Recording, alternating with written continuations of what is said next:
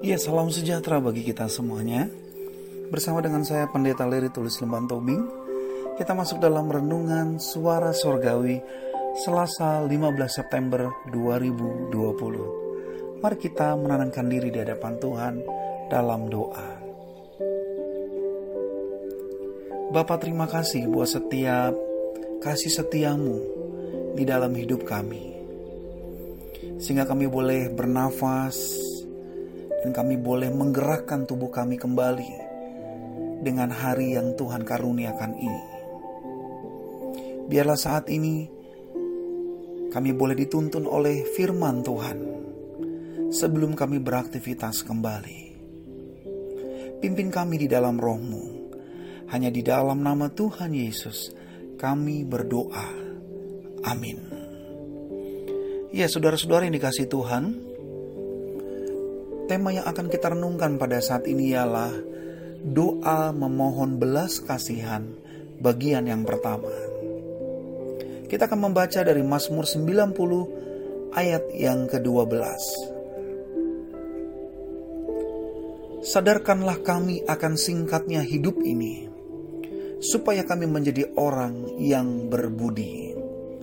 Terjemahan bahasa Indonesia masa kini. Saudara, di sepanjang sejarah hidup manusia, ada begitu banyak macam penelitian yang pernah dilakukan agar manusia dapat memiliki umur yang panjang. Dari mempelajari tumbuhan berbagai jenis untuk menghasilkan serum atau ramuan yang mencegah penuaan dini. Ada juga yang mempelajari iklim dan cuaca di berbagai tempat agar bisa membuat suatu alat pelindung yang mampu mengatasi dari sengatan sinar matahari yang bisa membahayakan pertumbuhan metabolisme dalam diri manusia. Bahkan ada juga yang mempelajari aktivitas yang dikerjakan manusia selama 24 jam. Sebab apa yang dilakukan menentukan seberapa kuat tubuh ini bisa bertahan ke depan. Dan masih banyak lagi upaya yang dilakukan manusia agar dapat mempertahankan kehidupan seperti kata para ahli filsafat, bahwa manusia adalah makhluk yang berpikir dan bertindak berdasarkan akal sehat. Tidak heran, dalam kesadarannya itu pula, manusia dapat menjadi makhluk spiritual, sebab dapat menemukan keberadaan dirinya yang memiliki jiwa dan roh dari karunia ilahi.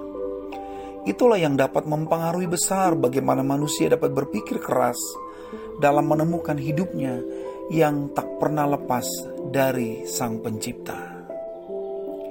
Menariknya, kesadaran akan hal itu juga dipahami oleh Musa, nabi Tuhan. Demi kelangsungan kehidupan, ia mencoba melihat semua hidup ini dalam kebaikannya. Saat manusia berjalan di dalam ketidakpastian, karena segala kemungkinan bisa terjadi di hidup ini, maka Musa mendekat kepada Tuhan melalui doa. Ia memohon belas kasihan Tuhan agar dirinya diberikan kebijaksanaan dalam menyadari singkatnya hidup ini, agar mampu mempergunakan hari-hari dengan sebaik-baiknya dan membawa kemuliaan kepadanya. Saudaraku, seberapa banyak dari kita menyadari seperti yang dilakukan oleh Musa kepada Tuhan? Apakah yang kita minta dalam doa-doa kita? Apakah sebatas kebutuhan dan keinginan agar kita dapat bersyukur, atau lebih kepada menghargai hidup yang tak lepas dengan segala kekurangan dan keterbatasannya? Jika kita menyadari sejak awal, maka kita pun sungguh akan menjaga diri dan sikap kita untuk lebih bertanggung jawab atas kehidupan yang Tuhan karuniakan ini. Hanya dengan belas kasihannya lah, maka kita bisa berpikir dan bertindak dengan akal sehat yang benar. Tuhan yang Maha Kasih menolong kita untuk lebih bijaksana mengelola kehidupan yang Tuhan karuniakan. Amin. Bapak terima kasih untuk setiap renungan yang Engkau berikan pada saat ini. Ajarilah kami untuk selalu memiliki hati yang penuh dengan kebijaksanaan di dalam menghitung hari-hari kami. Walaupun segala kemungkinan bisa saja terjadi, tetapi ketika kami boleh melihat semuanya di dalam kebaikan Tuhan, maka kami mampu untuk bertahan dan melihat bahwa Tuhan sungguh amat baik yang selalu beserta dengan kami. Terima kasih Bapa, kami serahkan aktivitas hidup kami di sepanjang hari ini hanya ke dalam tangan pengasihan Tuhan. Hanya di dalam nama Tuhan Yesus kami berdoa. Amin.